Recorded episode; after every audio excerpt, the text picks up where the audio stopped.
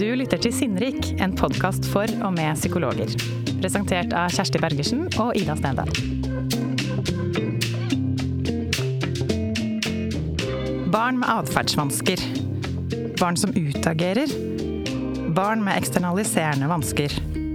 Og den nyere følelsesreguleringsforstyrrelse. Dette er noen av kategoriene som er brukt i behandlingsapparat og skole for en gruppe barn som strever. Foreldrene på sin side sier kanskje at de har et barn som blir veldig og ofte sint. I denne episoden av Sinnrik skal vi snakke om barn som er mer irritable enn andre. Som tenner og utagerer raskt, og som gjør det så ofte at det blir et problem for dem. Foreldrene og andre voksne rundt er slitne og føler seg maktesløse. Å møte barn med mye utageringsproblematikk kan også oppleves krevende for behandlere og hjelpere, og mange kan kjenne på at de står fast. Marit Koldevin, du er psykologspesialist ved Nick Walls institutt i Oslo. Og jobber for tiden med en doktorgrad om vedvarende irritabilitet hos barn. Du har møtt mange av disse barna i klinikk. Og slik jeg oppfatter det, så har du nesten fått en forkjærlighet for dem. Hvorfor det? Eh, godt spørsmål. Jeg tror det er mange forklaringer til det. Um, noe er av liksom private grunner så er det noe med den barnegruppen som, eh, som eh, jeg syns eh, kanskje har blitt behandlet litt sånn, sånn sorte får i klinikken. Og i familien, absolutt. Som jeg får mye liksom sterkt ønske om å hjelpe. Og at jeg har hatt mye mestring, føler jeg. Som jeg tror påvirker at jeg har lyst til å jobbe mer med det. Altså en opplevelse av at her kan vi få til noe. Men av mer sånn private grunner så eh, har jeg tenkt mye på dette med hvorfor liksom sinne og sinneuttrykk er noe som ja, liksom fascinerer meg så mye, da. Eller at jeg syns egentlig Eller har lang tid tenkt eller liksom tiltrukket av det. Jeg syns det er kult. Jeg blir liksom Guri meg at du tør, liksom, å si fra så tydelig, eller Og da er det jo spesielt mer sånn normalt sinne, da.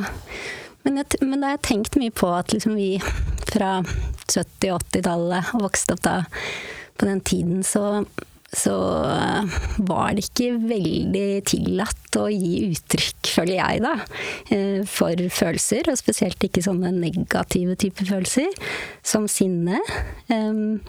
Så, så, da ble det liksom Og jeg kjente jo på sinnet og mange ting, men det ble liksom til og med sånn passiv Eller fikk ikke liksom lov til å uttrykke det så mye. Så de barna og ungdommene som jeg så rundt meg som turte å si fra, eller 'dette er urettferdig', eller 'dette blir jeg ikke med mm. på', det var veldig fascinerende, syns jeg. Mm. Og det samme egentlig med andre liksom, kulturuttrykk. At ja, både musikk og film at Det interesserte meg veldig, da. Så under studietiden så jobbet jeg på sikkerhetspost med sint, veldig sinte voksne. Og da kjente jeg også en sånn ja, dette får jeg liksom til, på en måte. Eller jeg får til å være Jeg blir ikke veldig redd. Jeg blir mer sånn Jøss, yes, hva skjedde der, liksom? Eller at det er en sånn Altså, nå må du bare ta på sikkerhetsbeltet, og så ser vi hva som skjer her. altså, at, ja, det tiltalte Altså, på en måte tiltalte meg litt, da. Mm. Altså, jeg syns det eksternaliserende uttrykket er fascinerende. Mm. Um, men også da uh, at når det ikke på en måte er liksom sunt sinneuttrykk, da, altså eh, at man klarer å tilpasse liksom sinneuttrykket sitt til omgivelsene, omstendighetene, og gjøre liksom talen sin klar. Når man ikke får til det, og det blir veldig sånn ja, dysfunksjonell sinne, da, så eh, ble jeg opptatt av at? Her tror jeg vi misforstår mye. Her møter vi sinneuttrykket og ikke det som ligger bak, da, på en måte. Hva er det dette egentlig handler om? Ja, for, ja, for det jeg tenker Hvis vi skal klargjøre litt før vi går videre inn i dette temaet, da. Eh, når er det vi tenker at noe går fra å være ja, normalt sinne normal irritabilitet til å gå over i det du kaller da vedvarende irritabilitet. Hvilke barn er det vi snakker om? Ja, altså bare for å ta et liksom typisk eksempel på et barn som er i spesialisthelsetjenesten, så er det eh, ofte et barn som har daglig veldig sterke sinneuttrykk.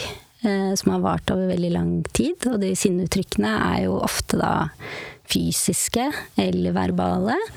Um, um, og de uh, spiller seg ut uh, ofte hjemme og på skolen og i sosiale settinger med venner og sånn.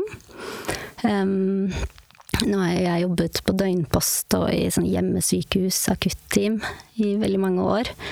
Uh, og i aldersgruppen 6-12 år så er det veldig mange av de barna som har altså denne utageringen og sinnet Ehm, eh, veldig til, sterkt til stede, da. Det er en av liksom, den hovedpopulasjonen eller hovedgruppe barn vi får i behandling på tredje linje. Altså eh, postnivå, da. Mm. Um, og da er det barn som um, på en måte har jobb eller jobber seg liksom mot verden, på en måte. Altså jeg har veldig lav funksjonsnivå. Får ikke til det som er forventet av de um, uh, i fått i alder. Skole. Um, foreldre som er uh, uh, veldig, veldig, veldig slitne og fortvilte. har ofte fått mye hjelp før, som de ikke opplever fungerer. Og så er det ofte et sånt hjelpeapparat som vi klarer liksom ikke å finne noe plass, eller vi klarer ikke helt å forstå hva det handler om, da. Fordi når vi, altså eller på bupper og døgnposter, så går vi jo gjennom alle mulige forklaringer på hva dette kan handle om. Og, og den gruppen som jeg er spesielt opptatt av, så ekskluderer vi jo forklaringsmodeller underveis. Ikke sant, sånn type Vi går jo alltid gjennom Er det noe deres kognisjon eller deres kognitive utviklingsnivå som kan forklare dette.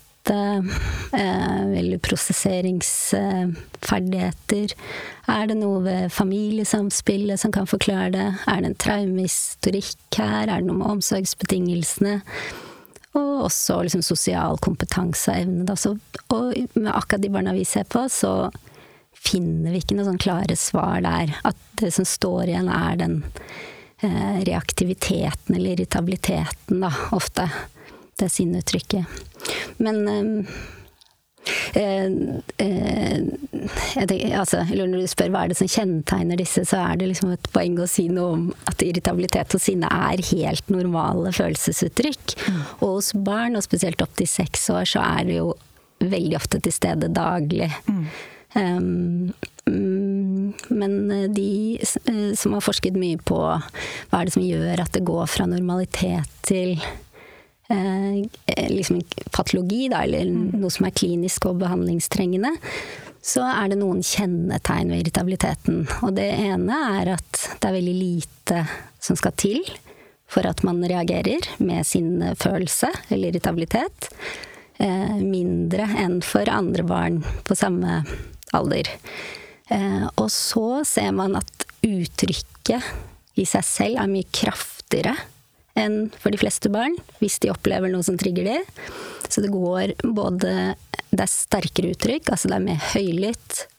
Det er mer som skjer, kroppen blir mye mer aktivert. Um, og så uh, går det mye raskere. Altså fra 0 til 100. Alt er greit. Mm. Og så rett opp til dette høye uttrykket, da.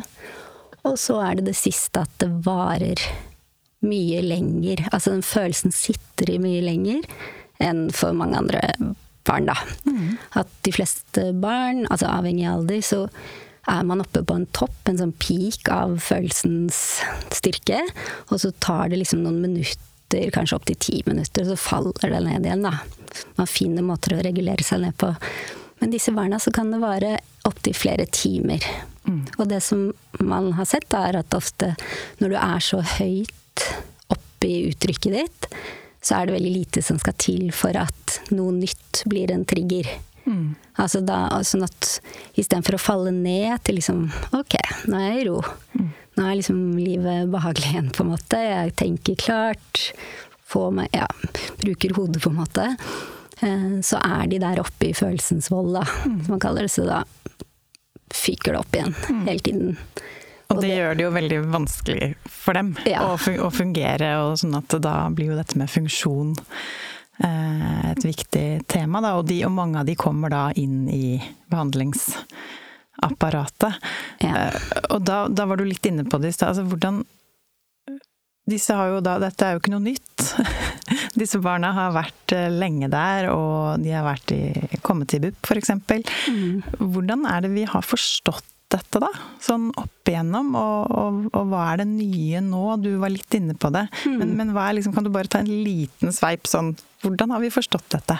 Nei, altså akkurat det med irritabilitet, altså det, akkurat det jeg beskrev der, det har egentlig ikke hatt så mye fokus i klinikken og ikke i diagnosemanualene før egentlig de siste 10-15 årene. Eh, så vanligvis, og i hvert fall her i Norge som vi bruker ICD-11 nå snart, men ICD-10, så har vi tradisjonelt satt atferdsforstyrrelse på disse barna. Og det er jo på grunn av det de gjør med eh, irritabiliteten sin, altså det utfallet det får, da. Um, ofte atferdsforstyrrelse og blandet følelsesmessig forstyrrelse. Men uh, i USA så uh, klassifiserte de de barna som Eller de tenkte at dette kunne være en bipolar lidelse. Og så ble det en sånn helt formidabel økning på bipolar lidelser hos barn. Og så var det noen forskere som begynte å se på hvordan gikk det med de når de ble litt eldre, og da var de Eh, disse barna veldig ofte hadde de en sånn unipolar depresjon, da. Ikke bipolaritet når de ble litt eldre. Og så ble man veldig opptatt av hva handler dette om, og hva er irritabilitet, og hvorfor kan det bli en klinisk tilstand? Og masse forskning etter hvert. Jeg burde sikkert ha referert til hvem det er som har gjort det, men har i hvert fall funnet en veldig sterk sammenheng mellom irritabilitet, altså klinisk vedvarende irritabilitet, og depresjon eller affektive lidelser når de blir litt eldre.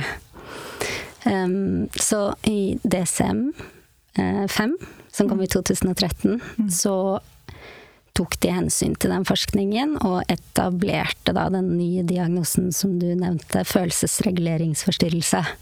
Eller disruptive mood disregulation disorder. Ja. ja.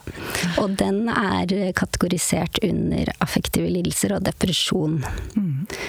Så, mm, og, bare for å si noe kort om den, så kjennetegnes den av at man skal ha daglig tilstedeværende irritabilitet, altså synlig irritabilitet, i over et år.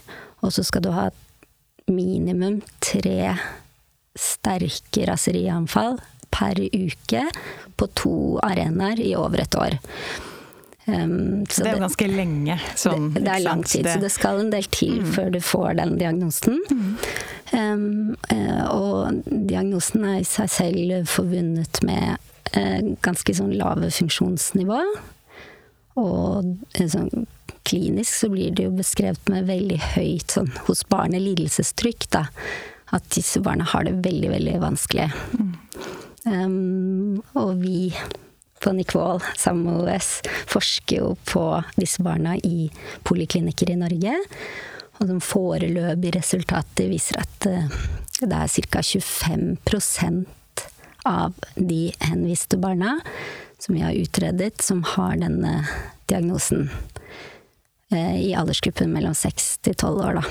Så det, det er da 25 av de som blir henvist til BUP? Eller ja, mm. i dette utvalget vårt, da. Ja, ja. Mm. Mm. Så én eh, ting er jo at det er et kjempeproblem for barna, men de er jo også en gruppe som er veldig til stede på boligklinikkene om dagen, da. Og det har de eller Min erfaring er at de alltid har vært der, men vi har kanskje ikke Eh, ja, hva skal vi si, skilt de så godt fra resten av atferdsforstyrrelsene, da. Mm. Eh, og derav heller kanskje ikke jobbet sånn veldig systematisk eller strukturert med akkurat den emosjonelle reaktiviteten.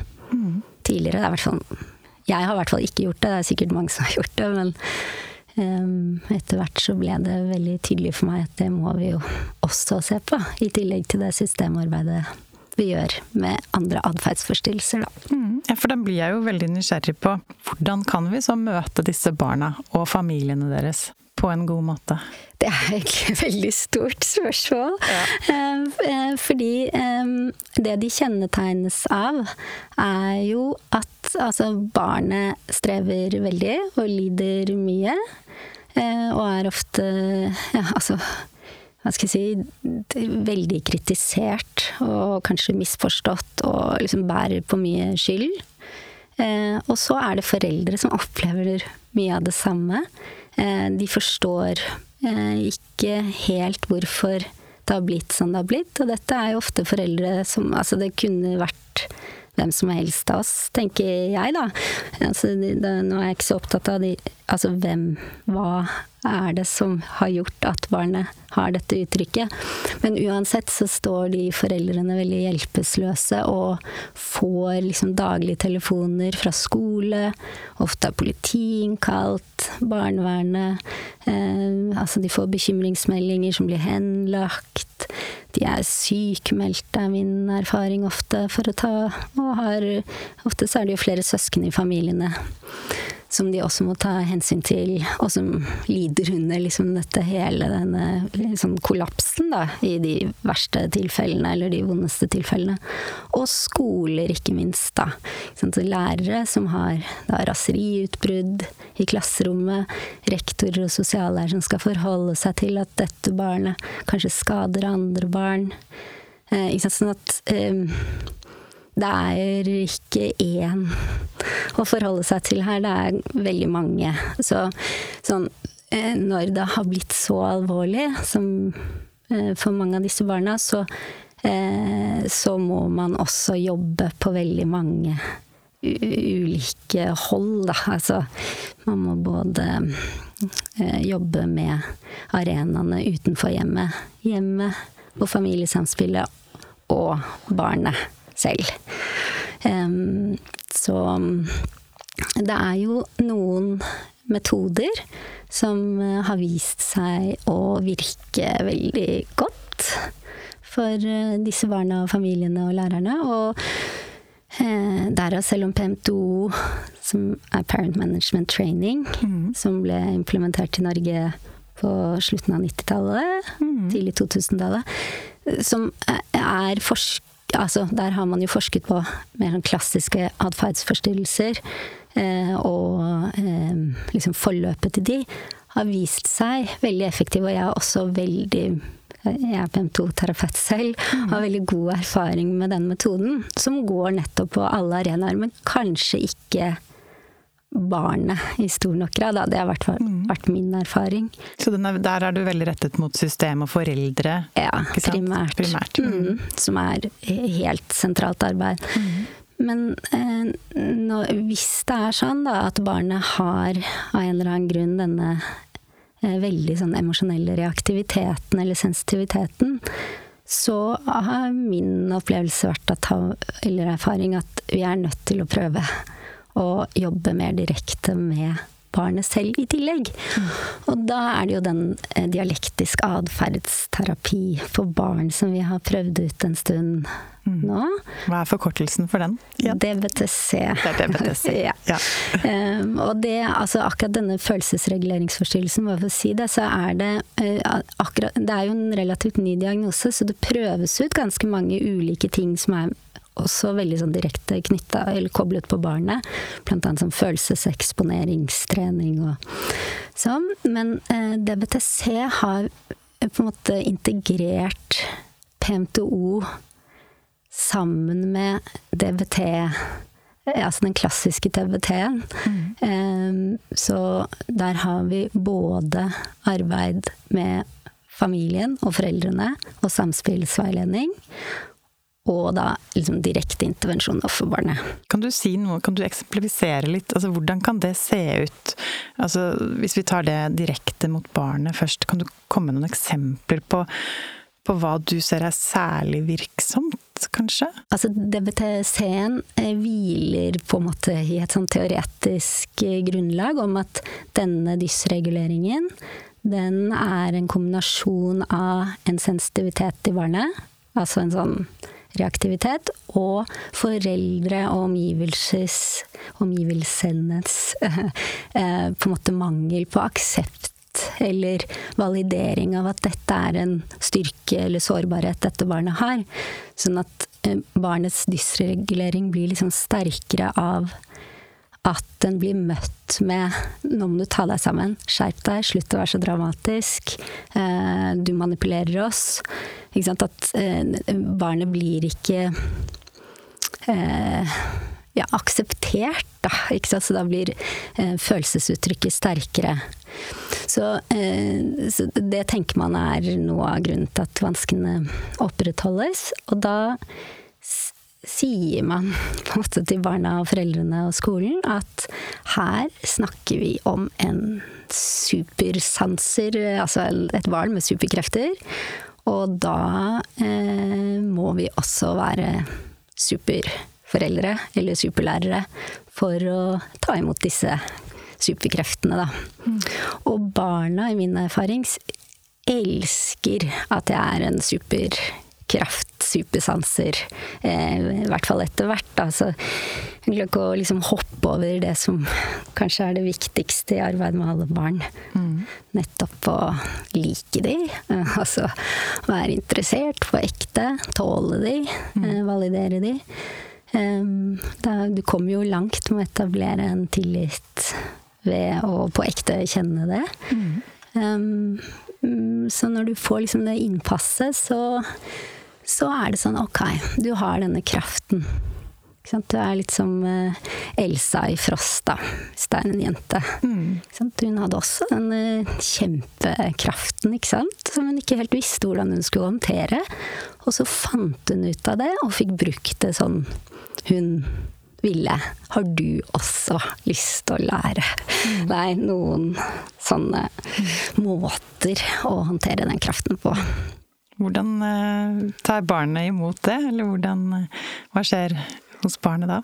Nei, altså det er vel, og det er jo mange terapier som er opptatt av det, men det å liksom snu dette fra det er noe skikkelig gærent med deg, som de har og kan gi uttrykk for at de har en opplevelse av, som de har hørt veldig mye, til at vet du hva, det er ikke noe gærent, men jeg har noe som andre kanskje ikke har.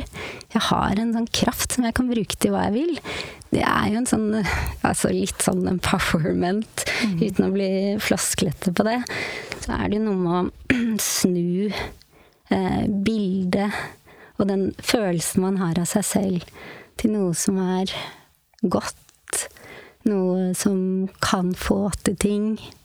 Eh, noen som ja, kan eh, bli akseptert, da, for mm. den liksom lettriggbarheten de har. For det, det, kan man jo bruke til veldig mye kult, da. Mm. Altså hvis du får med deg mer enn de fleste, mm. og kjenner det, liksom. Mm. Ja. Da kommer du kanskje i posisjon mm. eh, og liksom har, har, en relasjon med barnet. Ja. Men er da den valideringen nok? For disse barna? Eh, min erfaring er at det ikke er helt nok. For noen, kanskje. Det er jo avhengig av hvor alvorlig det har blitt, da. Men eh, ja, når du sier validering, blir jeg så opptatt av det ordet, for det er jo en av de eh, i DBTC også, en av de på en måte forståelsene av hvordan vi kan være sammen med andre, som vektlegges mest. At eh, jeg forstår deg, og det du gjør nå er forståelig for meg. Jeg skjønner at du blir veldig irritert over det når det og det skjedde med deg. Og da reagerer du på det, og det forstår jeg. Um, og så er det jo sånn med barn at de styrer jo liksom ikke sin egen hverdag og liv. Og vi har jo en oppgave å lede de gjennom ting som er nødvendig, som de selv kanskje ikke eh, ser helt interessen av. Det er å legge seg, det er å børste tenner, det er å spise, det er å gå på skolen. Det, ja, eh, kanskje rydde et eller annet. Så det er en del krav og forventninger til de som kanskje ikke de har så mye sånn egeninteresse av. Eh, og, og, validere at dette skjønner jeg at ikke du har lyst til nå, eh, er jo noe som kan ta av brodden på det sterke uttrykket som kan komme. Men min opplevelse er at barna har en sånn reaktivitet, eller samspillet har blitt som det har blitt, eh, så er det mange av oss som kan gå i liksom fella av å stoppe gapet der, på en måte. Um, og hvis noen barn, da, som disse vi snakker om nå, etter hvert får en erfaring med at når jeg Når dette uttrykket mitt kommer ut, eh, så går også forventningene litt bort, da. Så det er mange som kommer i et sånt samspill der da ble det ikke den tannpussen i dag, eller mm. Ja. Eh, så, mm, så Ehm, ja, vi vet en del om at disse barna også kanskje reagerer, eller noen av de da, reagerer på eh, liksom forventningsbrudd i seg selv. Så det å eh, måtte innføre liksom belønninger eller kontingenser for det man skal gjøre, er ikke alltid like potent. Da. Så det er vanskeligere å gjøre en sånn normal oppdragelse kan man se. Eh, sånn at eh, foreldre trenger liksom ekstra hjelp til å Ok, hvordan kan jeg opprettholde forventningene og få til å gjennomføre de?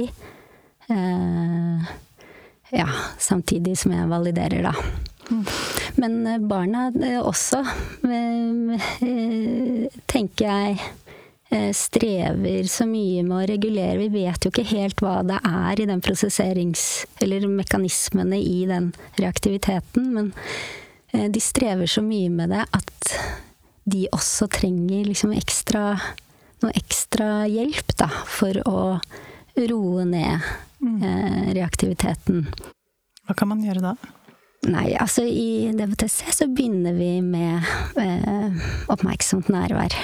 Eh, vi tenker at liksom, utgangspunktet for å kunne eh, sette inn liksom, Oi, hva kan jeg bruke nå, hva kan jeg bruke nå? Må være å være klar over eh, hva som skjer i kroppen, og hva som skjer i omgivelsene rundt seg. Så mindfulness er liksom grunn... hva skal vi si grunnverktøyet vårt, da. Mm -hmm. Så ganske tidlig så introduserer vi det til barna. Eh, og barn flest skjønner jo veldig godt ord, men ikke alltid liksom konsepter. Og mindfulness er jo et ganske komplekst konsept, da. Så da bruker vi nesten bare øvelser til å prøve å eh, få koblet de på hva er det vi egentlig mener her. Så eh, et eksempel når jeg liksom introduserer mindfulness eller oppmerksomt nærvær til disse barna. At det er en sånn tjukk påfuglfjær på kontoret. Mm. Um, som uh, du kan klare å balansere på fingeren hvis du følger veldig godt med på hvor den beveger seg, og hvordan Ja, om den faller eller ikke. Og når barna prøver på det, så er det liksom i begynnelsen så gjør de det, og så er det et eller annet som fanger oppmerksomheten, og da faller den, da.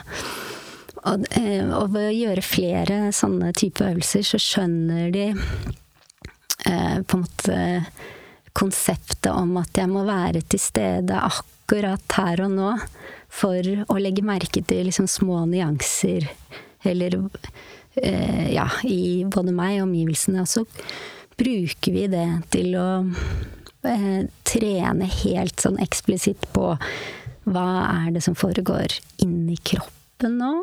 Hva kjenner du akkurat nå? Hva er det som foregår i omgivelsene? Øvelser, øvelser, øvelser, da. Og så eh, når vi får trent en del på det, og de trener hjemmeforeldrene, for foreldre har jo også gått gjennom denne ferdighetstreningen, da, som vi kaller det, så eh, begynner vi å sette på liksom ulike sånne tips og triks man kan gjøre når du legger merke til at dette eller dette skjer. Hva er triggerne? Er det at noen dytter bort i deg, eller at noe ligger på feil sted? Er det et brudd i en eller annen forventning? Eh, hvordan kjenner du det i kroppen når du begynner å ulme, liksom? eller er det noen måter du kan kjenne deg på om morgenen f.eks. som gjør at kanskje vi må ta litt andre hensyn i dag. Ja. Eh, og så gjør vi sånne såkalte kjedeanalyser, da. Mm. Eh, der vi prøver å liksom gå gjennom episoder som har vært vanskelige, eller gode, da. Eller noe, eh, der vi går helt fra liksom hvordan starte, hva skjedde først, da gå gjennom og tegner det opp. Hvilke tanker fikk du da? Klarer du å huske det? Og sånn. belønner underveis da, for alt de klarer å komme på. Men det blir jo en sånn trening i eh, en slags eh, Bli kjent med seg selv, på en måte. Hvem er jeg? Altså, det kan være litt gøy for de da. Mm. Og sikkert veldig viktig med disse konkretene. Altså ja. denne påfuglfjæren, den må jo nå alle skaffe seg. Eller noe tilsvarende. Mm. Uh, og da ble jeg nysgjerrig på Når barnet da trener på dette, hvordan klarer de da å F.eks. dette med denne fjæren, da. Ser dere at de klarer å overføre det til disse andre situasjonene? Eh, ikke bare ha én sånn uh, liten eh, treningsrunde, men når vi gjør det nok, da, fordi det, vi har jo ganske mange ulike øvelser som vi gjør, eh, så er jo vår erfaring og min erfaring at, de blir, at det blir mer naturlig for de å snakke om eh, eh, opplevelser de har eller følelser som har kommet, eller eh, 'dette og dette er veldig, veldig, veldig irriterende for meg', eller altså At de kan sette ord på i større grad hva de erfarer, da. Um, og så er det jo sånn at vi tar ikke barna inn i denne terapien før foreldrene har eh, gått eh, hos oss på Nick Wall i nesten et halvt år i, i ferdighetstreningskurs i emosjonsregulering. Så de lærer alle disse hva skal vi si, ferdighetene eh, som vi kan bruke for å eh, ja, regulere følelsene våre bedre. Eller mm. sånn at det ikke blir så stor skade for oss eller andre. Eller, ja. Så de har denne eh, kunnskapen med seg, og så trener de samme barna hjemme. Så vi prøver å liksom tilrettelegge det miljøet barnet skal være i før barnet kom, kommer ut og skal øve, da. Men da er noe liksom konseptet at når foreldrene kan dette, klarer å validere, oppmuntrer til øving Veldig ofte kan gi uttrykk for at dette har vært veldig til hjelp for meg selv og egen emosjonsregulering, da. Altså foreldrene. Så blir de mer koblet på å øve med barna hjemme. Mm. Men eh, spesielt den der switchen fra at det er noe veldig, veldig gærent med barnet, til at dette barnet har med seg en styrke, tror jeg gjør veldig mye. Også for foreldrene, at de kan gå med litt mer hevet hode, eller kanskje forklare andre det, forklare andre i familien, på skolen. Si noe om at ok, dette er en styrke, da må vi være ekstra obs på sånn og sånn. Mm. Nå trener Ola på dette og dette. Um, det handler om sånn og sånn. Kan dere også oppmuntre til det? Ja. Så det er noe av suksessfaktoren her. At uh, du sier ikke sant, at dere har foreldrene inne et halvt år mm. først i forkant, ja. og så begynner med barnet. Mm. Sånn at dere også jobber med omgivelsene til barnet. Ja. Uh, hvis vi skal prøve å ja, Får vi til det? Altså, hvordan er, er det mulig å få til ute i, i tjenestene i dag? Hva tenker du? Ja, altså jeg håper jo det. Vi på Nick Walls institutt så har jo liksom ledelsen der satset på det, og det gjorde de også på OS. Der har de også DBTC-team. Mm. Eh, og det trenger jo ikke å være DBTC, eh, på en måte. Altså poenget er jo bare at det skal være nok, eller at rammene er gode nok til å kunne jobbe så mye med én eh, pasientgruppe. Um, da jeg begynte som psykolog i 2004, så var det sånn at akkurat denne eh, pasientgruppen, det var jo riktignok på den poliklinikken jeg var, så var det sånn at eh, hvis vi satt atferdsforstyrrelser, så gikk de til barnevernet. Fordi barnevernet hadde um, kompetansen på, en måte, på å jobbe med det. Og det i dag så ville vi jo aldri gjort det, men jeg synes kanskje at litt den holdningen eh, ja, ja, altså dette er jo bare min opplevelse, da, men at den sitter litt igjen i spesialisthelsetjenesten. At vi har liksom vektlagt så mye at det er system- og nettverksarbeid, og kanskje også det at vi vet at eh, mange av disse barna eh, lever i omsorgssituasjoner som er veldig vanskelige. Men det er jo dessverre sånn at det er en del barn som ikke gjør det. Altså, eller de gjør jo det fordi det er vanskelig å vite helt hvordan man skal håndtere det, men, men de hører ikke hjemme hos barnevernet av den grunn. Så, så satsingen på hvordan jobbe med det veldig sterke eksternaliserende uttrykket på bupper, eh, syns jeg kanskje ikke er godt nok overalt, da. Mm. Det er i hvert fall veldig mange fortvilte eh, psykologer eh, rundt, og andre faggrupper, da, som bare Hvordan skal vi liksom jobbe med det? Dette det er veldig ofte det brenner eh, mm. veldig mye, og mm. veldig ofte. Det er mange eh, rundt barnet som ringer til behandler omtrent daglig, og det skjer liksom alvorlige ting. Som sagt, da, at politiet kan bli tilkalt for det er en trusselsituasjon på den, den skolen. Eh, og da jeg, jeg, jeg, tror jo på at det er viktig at man har eh, nok kompetanse og gode metoder for å møte dette, da. Mm. At det ikke skal bare bli helt sånn opp til hver enkelt. Mm. Um, sånn som med OCD-behandling eller mm. spiseforstyrrelser. At um, det er såpass mange som strever med mm. uh, sinneuttrykk mm. i spesialisthelsetjenesten, så vi må jobbe liksom for å møte det godt, da. Ja, og det er jo viktig å synliggjøre det, at det er også noe, kanskje noe strukturelt og rammebetingelser her som som man kan, man kan se på. Mm. Det er jo kjempeviktig, og jeg tenker også veldig fint å vite at dere gjør dette, og at dere har en erfaring og en kompetanse eh, hos dere. Mm. Eh, hvis vi skal prøve å avrunde litt eh, det er jo sånn at det er ikke sikkert alle psykologene der ute i BUP f.eks. har PMTO-utdanning eller får gått på DBTC-kurs.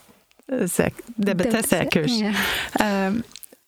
kan du klarer vi å trekke ut liksom tre råd til klinikeren der ute eh, som du vil formidle ut til dem eh, når et av disse barna kommer inn til dem på BUP? Eh, gjennom det ph.d.-arbeidet vi gjør, og jeg gjør, så er det i hvert fall veldig klart for meg at mange av disse barna eh, strever i mye større grad med eh, eller, eh, liksom en affektiv vanske, en internaliserende vanske. Eh, kanskje depresjon i noen tilfeller. At det eh, blir tatt på alvor, da. Mm, eller at man utforsker det litt mer enn man kanskje naturlig gjør fordi det er så mye sinneuttrykk. Um, eh, ja, det punktet også er vel mer at eh, det kan jo også gjøre at man kanskje ikke er så redd for å gå inn i det og ta tak i det. At eh, det er jo sjelden veldig farlig, dette uttrykket. Eh, stå i det og eh, dette skal vi få til, liksom. Altså at vi ikke trekker oss fordi vi blir redde, da. Mm. Eh, det er umulig å komme bort fra validering som et konsept og en måte å være på både med foreldrene, huske på å validere foreldrene også. Hjelpe foreldrene i trening med å validere barnet. Og ikke minst validere barnet. Og det tenker jeg at det er en veldig takknemlig rolle, egentlig, å være eh, terapeut for et barn som strever med dette. Nettopp fordi at du har ikke en Altså, du er helt fritatt fra å skulle eh, dytte barnet gjennom alle forventningene, på en måte. Altså, du er ikke en lærer som skal påse at barnet får med seg dette eller dette, en forelder som skal Du er bare på lag eh, med barnet. Og det disse barna har så få erfaringer med at noen bare er på lag med de. Mm. Så det er veldig sånn Oi. Ja, en fin, eh, fin mulighet, da, til å, til å få til noen ting. Å være terapeut, og ikke noe annet. Mm. Så validering. Um, hva kan det siste være, da? Nei, altså ta et uh, mindfulness-kurs for barn. Hvordan introdusere mindfulness til barn.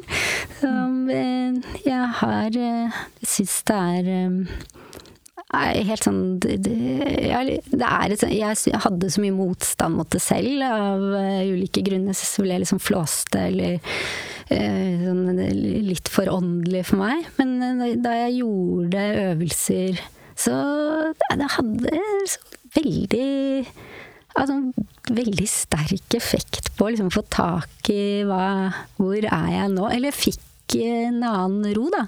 Og akkurat det opplever jeg med barna også. Ikke at de får en annen ro, men det, det er en sånn utrolig fin inngang til å få tak i hva det som foregår inni oss. Og hva er det som foregår rundt oss. Og det er veldig gøy. Og det er mange som er gode på eh, mindfulness-øvelser med barn. Altså Man trenger ikke å være DVTC-terapeut for det. Det er mye god litteratur, mange kule øvelser som barn syns er gøy å gjøre. Det har vært veldig fint å snakke med deg, Marit. Tusen takk for at du kom til oss. Tusen takk for at jeg fikk komme. Du har hørt en episode av Sinnrik, en podkast fra Gyllendal Psykologi. Dagens gjest var Marit Koldevin. produsent for episoden var Andrea Krüger, og musikken er laget av Johannes Amble.